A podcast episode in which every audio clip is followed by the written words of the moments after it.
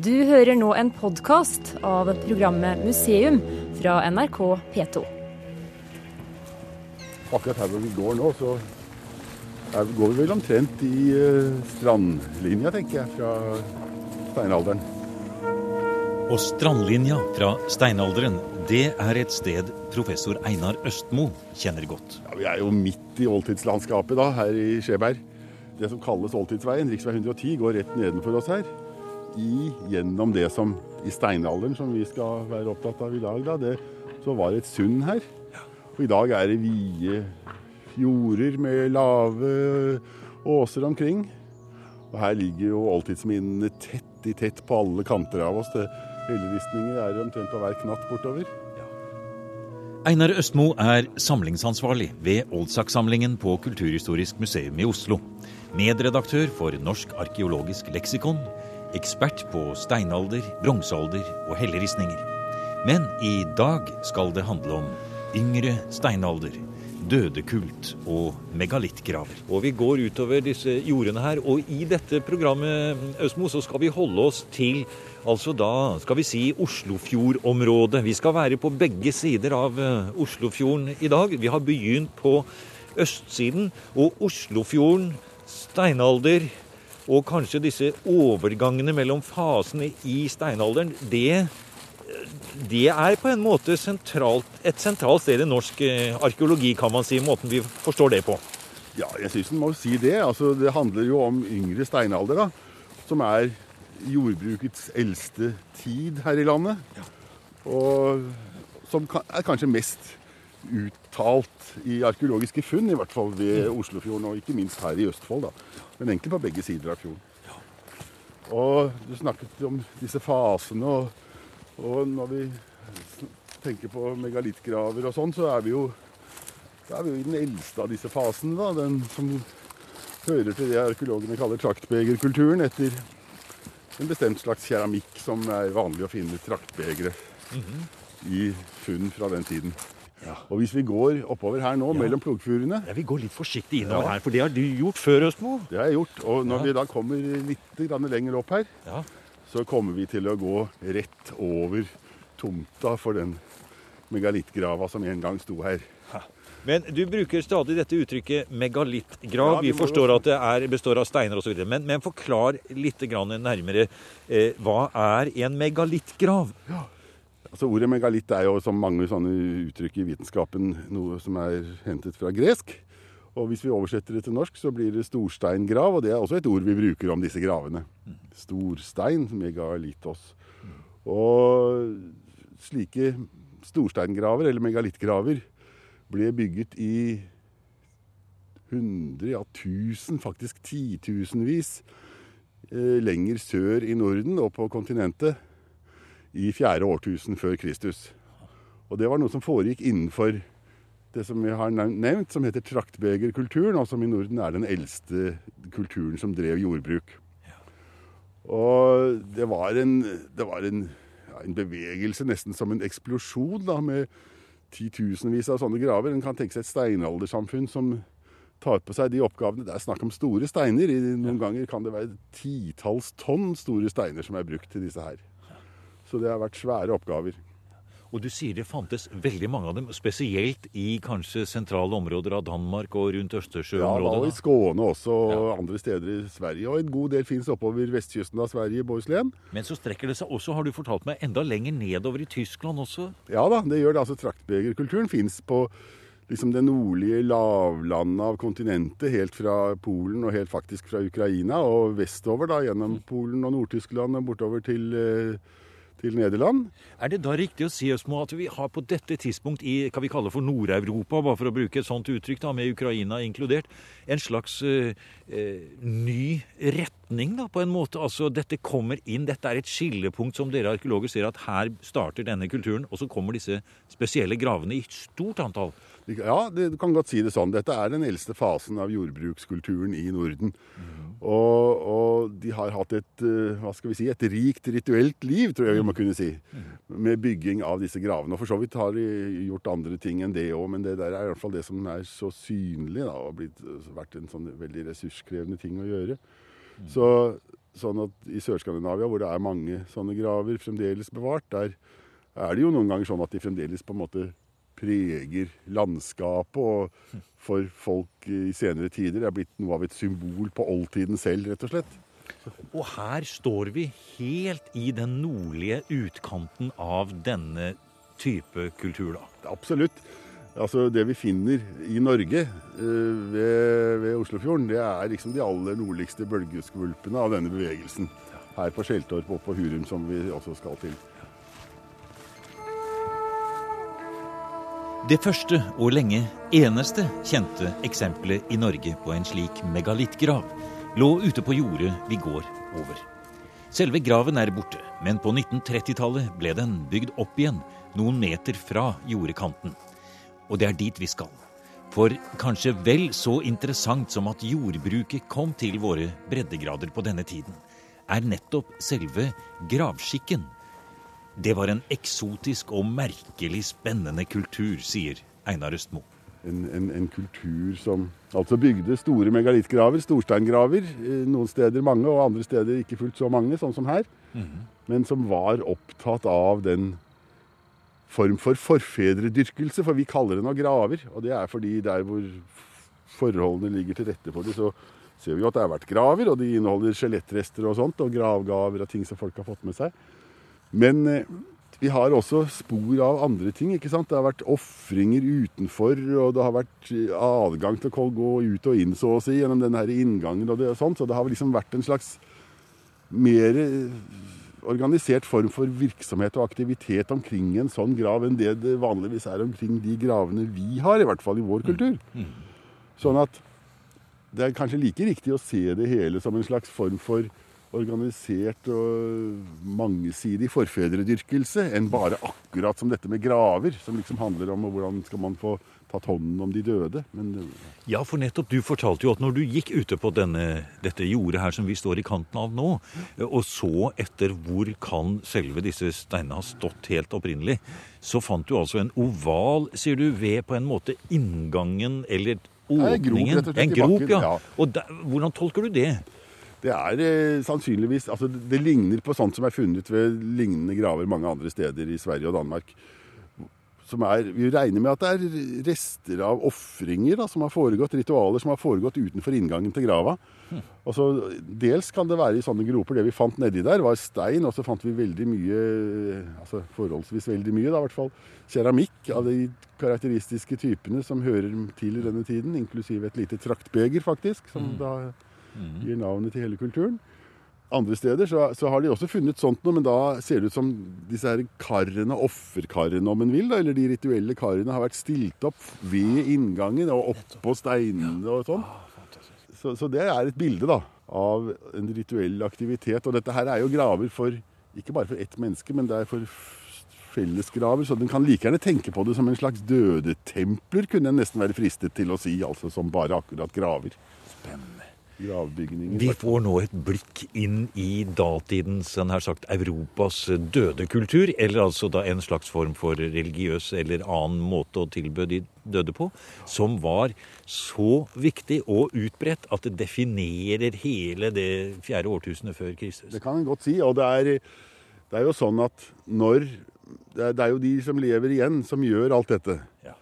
Og det betyr at denne dyrkelsen av de døde og dyrkelsen av forfedrene og minne om dem og alt som angår dem, det er jo Det handler ikke så mye om døden som om livet. Det handler om det levende livet som disse menneskene har, og hvordan de nyttiggjør seg, bruker minnet og bevisstheten om det som hadde vært før, i sin egen tilværelse. Til å organisere forståelsen av, av, av, verden, rett og slett. Og kanskje maktforholdene seg imellom, og for den saks skyld. Det, sånne ting kan, kan, komme, kan, ha vært uttrykt gjennom denne praksisen da, som vi finner på etter. Spennende.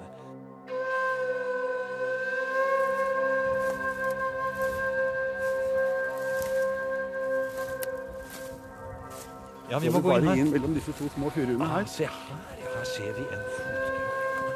Å, se, har du sett så flott? Vi, ja, vi står her ved inngangen. Det er en gang, kanskje en snau meter bred. Ja som er bygget opp av store steiner på siden. Ja. Som leder inn til et kammer Det er stort også. Det er ganske stort. Ja. Altså, Anders Lorang, som var her i 1862, han fikk høre at kammeret hadde vært så stort som et lite værelse, skriver han, så en mann kunne stå Ja, oppreist vi får inni det. prøve det. Vi prøver det. Nå prøver vi å gå går inn. her. Oi, se her. Nå går vi inn i et lite værelse, ja. Ja, se her. Innunder den store steinhella som hadde Er dette de originale som, Dette er de originale megalittene som er brukt her. som står nå da reist opp igjen bare noen meter fra det opprinnelige stedet? Eh, har man funnet noe Østmo, inne i de, disse eh, gravene her i f.eks. Danmark, Sverige og andre steder hvor det er bedre bevaringsforhold? Er det, ja, hva, Noen steder så, er det, så har det vært små hva skal jeg kalle det da, båser, nesten som bokser av mindre steiner langs eh, veggene her. Det, med- én en begravelse hvor du ser det sitter altså et skjelett på huk da, inni hver av disse her. Og jeg, altså, nå, jeg tør nesten ikke å si det, Østmo, men eh, i en veldig liten skala, selvfølgelig. Jeg fikk litt sånn ja, Mace Hove, Stonehenge-følelse når jeg kom inn her. altså. Det er, jo, Det er den samme Ja, det er tradisjonen. litt, ja. Det er den samme Ja, tradisjonen Ja, ja. Som eh, har beveget seg over eh, landene og kontinentet og kommet til de britiske øyer og der nordover til uh, Orknøyene med Meisov og videre nordover til Shetland. Det er jo synskontakt der hele veien, egentlig. Ja. Og vi ser jo det er det samme prinsippet for disse reiste stenene som står rundt oss her. Nå står jo disse helt inntil hverandre, og det ligger en stor blokk over, så det, det danner et tak, da. Eh, men eh, ja, det, er, det, det gir noen perspektiver og noen tankeganger. Ja. Og, og størrelsen her, den er altså denne grava her på Skjeltorp, da, den er jo i og for seg helt på linje med de som det finnes en god del av nedover i Bohuslän, like sør for oss her, uh, som er bevart. Så, så den er en del av, av den tradisjonen, da, den utformingen av denne megalittgravtradisjonen, slik som den kom til å bli her på disse kanter. Ja, da skal vi gå ut, eh, Østmo, fra denne Vi er jo nesten inne på hellig grunn her nå. Inni en dysse, inni en megalittgrav her på Skjeltorp i Skjeberg i Østfold. Og vi kommer ut i friluft igjen. Går ut fra stenalderens gravmørke der. Eh, altså, Den er flott å se på, og det er ett eksempel da på hvor langt den nye europeiske dødskulten kom i det fjerde årtusen før Kristus. Så langt nord. For er dette det eneste vi i det hele tatt har av den type megalittgrav eh, i Norge? Ja, det var det da vi grov her i 1981. Men eh, vi har siden funnet at vi har litt grann til. Så det skal vi vel også prøve å få sett litt nærmere på. Ja, Det er altså på den andre siden av fjorden. Det er på andre siden av fjorden. Det er en sånn hva er det, det er 50-55 km i luftlinje herfra Ja. på, På Rødtangen på Hurum. på Hurum. Da reiser vi dit. Det gjør vi. Ja. Ja,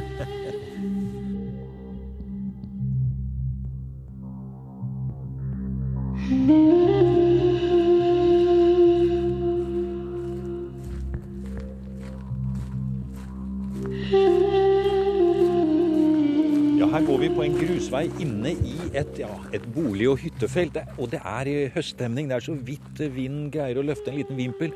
Og mellom trærne der ute så skimter vi jo det som binder dette programmet sammen, nemlig Oslofjorden. Ja, for ikke å si Drammensfjorden. Ja, her er Drammensfjorden, ja. akkurat ved innløpet til Drammensfjorden. Her ute på Rødtangen ytterst på Hurumlandet. Og vi skal gå litt grann Vi skal gå litt til. innimellom eh, trær og busker her. Men her er en fotkjede. Ja. Kant av stein. Nå går vi litt forsiktig opp her. Og det er den vi har kommet for å se.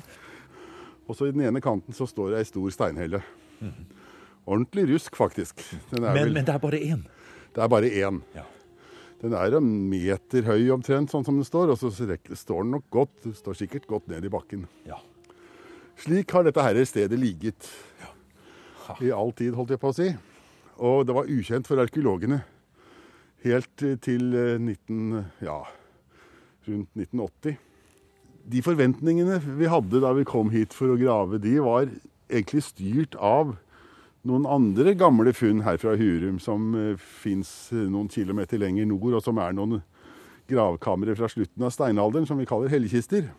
Det trodde det var det samme her. Ja, vi tenkte det. At hvis dette, I beste fall kunne dette være noe sånt. Ja.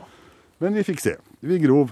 Akkurat her. Ja, akkurat her. Vi grov en, Ja. en sjakt inn fra kanten der nede, liksom mot Mm. der hvor vi kom fra. Ja. Og så inn langs steinhella. For det er jo ikke mer enn én meter inn til hjørnet på hytta der. Nei, det er jo ikke det. Og så grov vi ut gulvet, da, eller bunnen av dette krateret. Nettopp. Vi går ned i den nå. Ja da, det gjør vi. eh, Og står nå inntil denne fantastisk store eh, steinhellen som er reist opp her. Mm. Ja. Vi tenkte vi kunne finne noen sånne ja, pilespisser eller flintdolker eller sånt noe som hørte til denne her senere perioden. Men vi fant pilespisser. Men de var liksom av en eldre type. Så dere skjønte at dere var på sporet av noe annet? Ja, vi begynte å lure fælt i hvert fall. Men, og enda mer lurte vi da vi, begynte, da vi fant noen, noen eh, smykker av rav. Altså smykker Det var perler og sånne av forskjellige fasonger.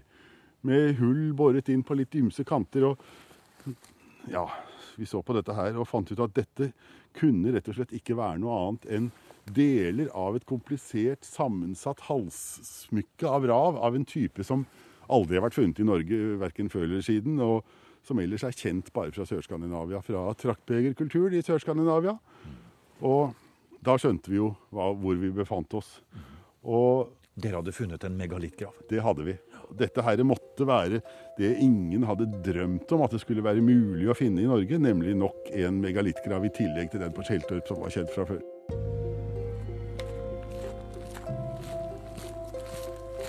Og bare noen hundre meter lenger innover langs Drammensfjorden tar professor Einar Østmo oss med til enda en megalittgrav.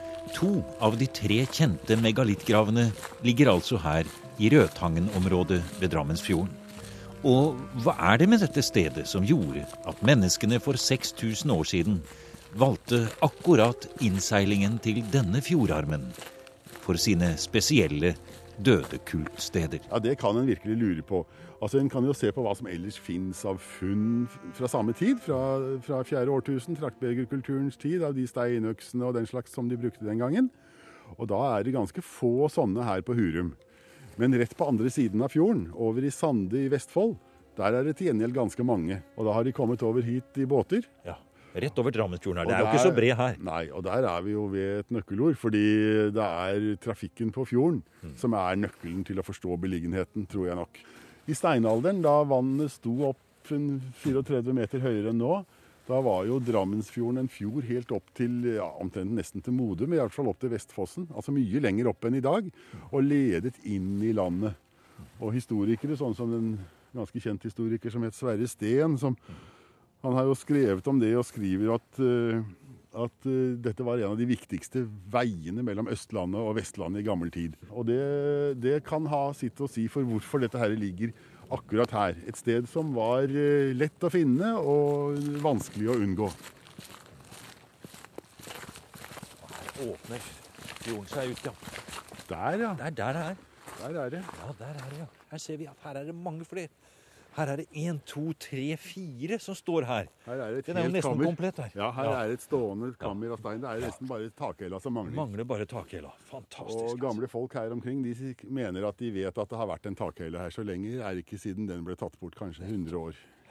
Denne ble oppdaget for verden, kan man si, i 1913.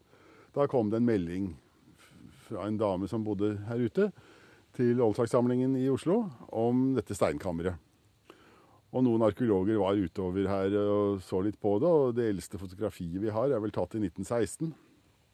Og og også dette gikk da under navnet av hellekiste, og ingen hadde noe funn eller noen ting, og en tenkte seg at det kunne kanskje være en grav fra slutten av steinalderen.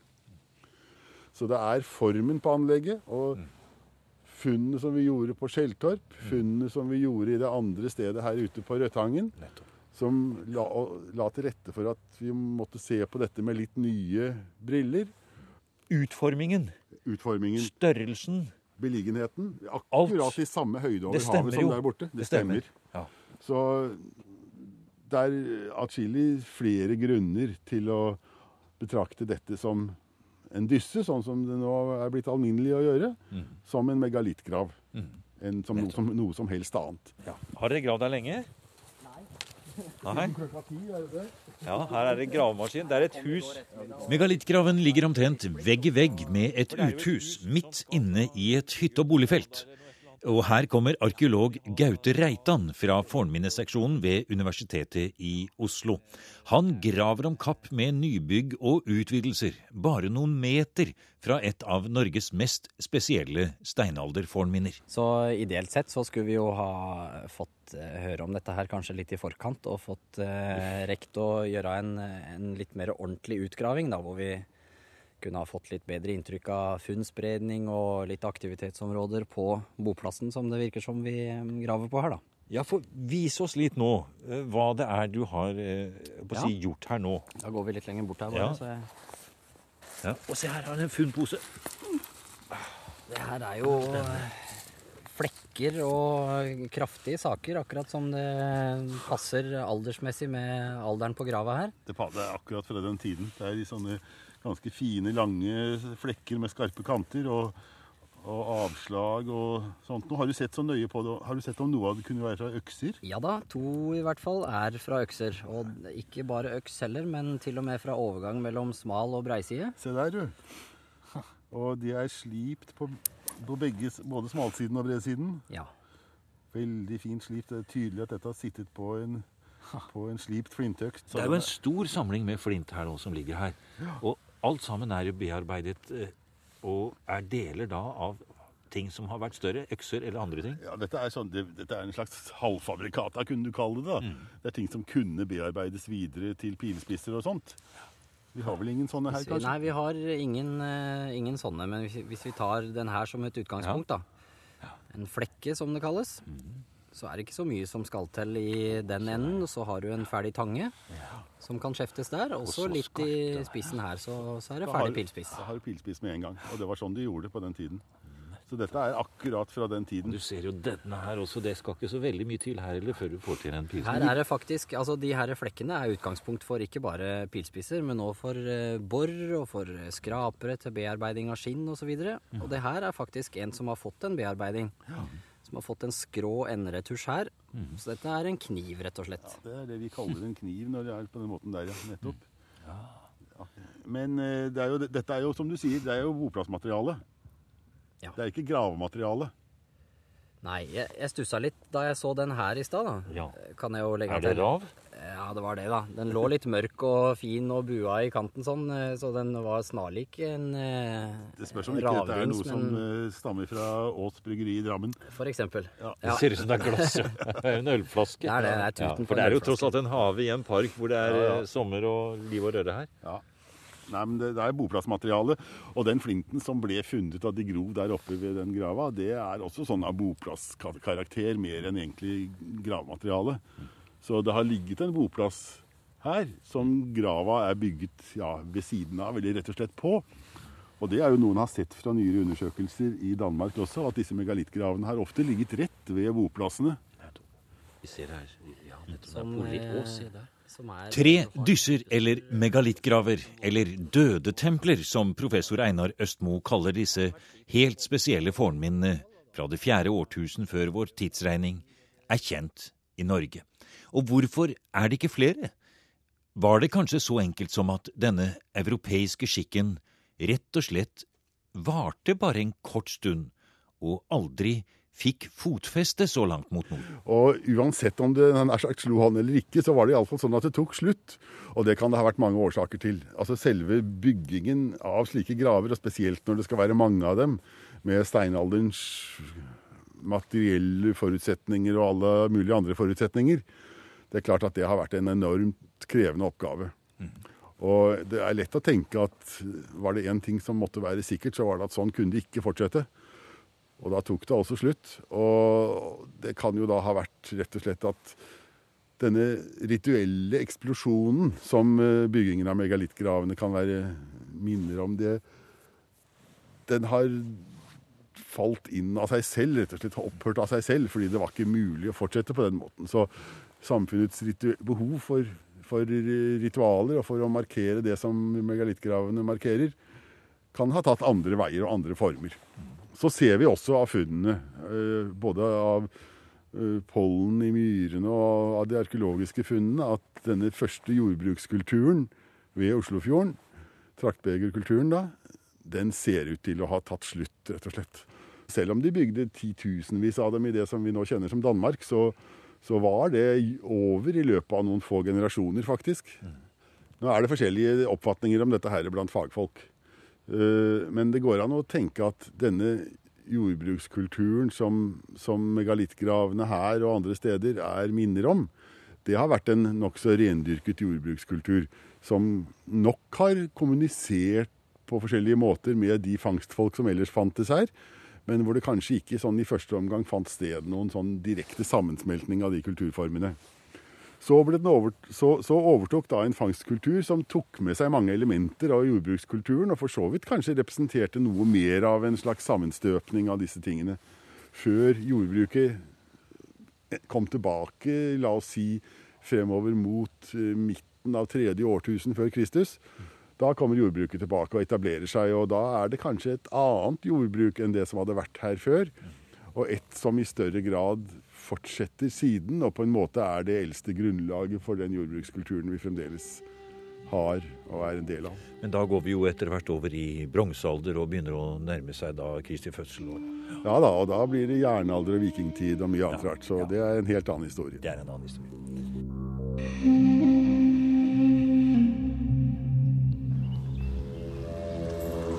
Du har nå hørt en podkast av programmet Museum fra NRK P2.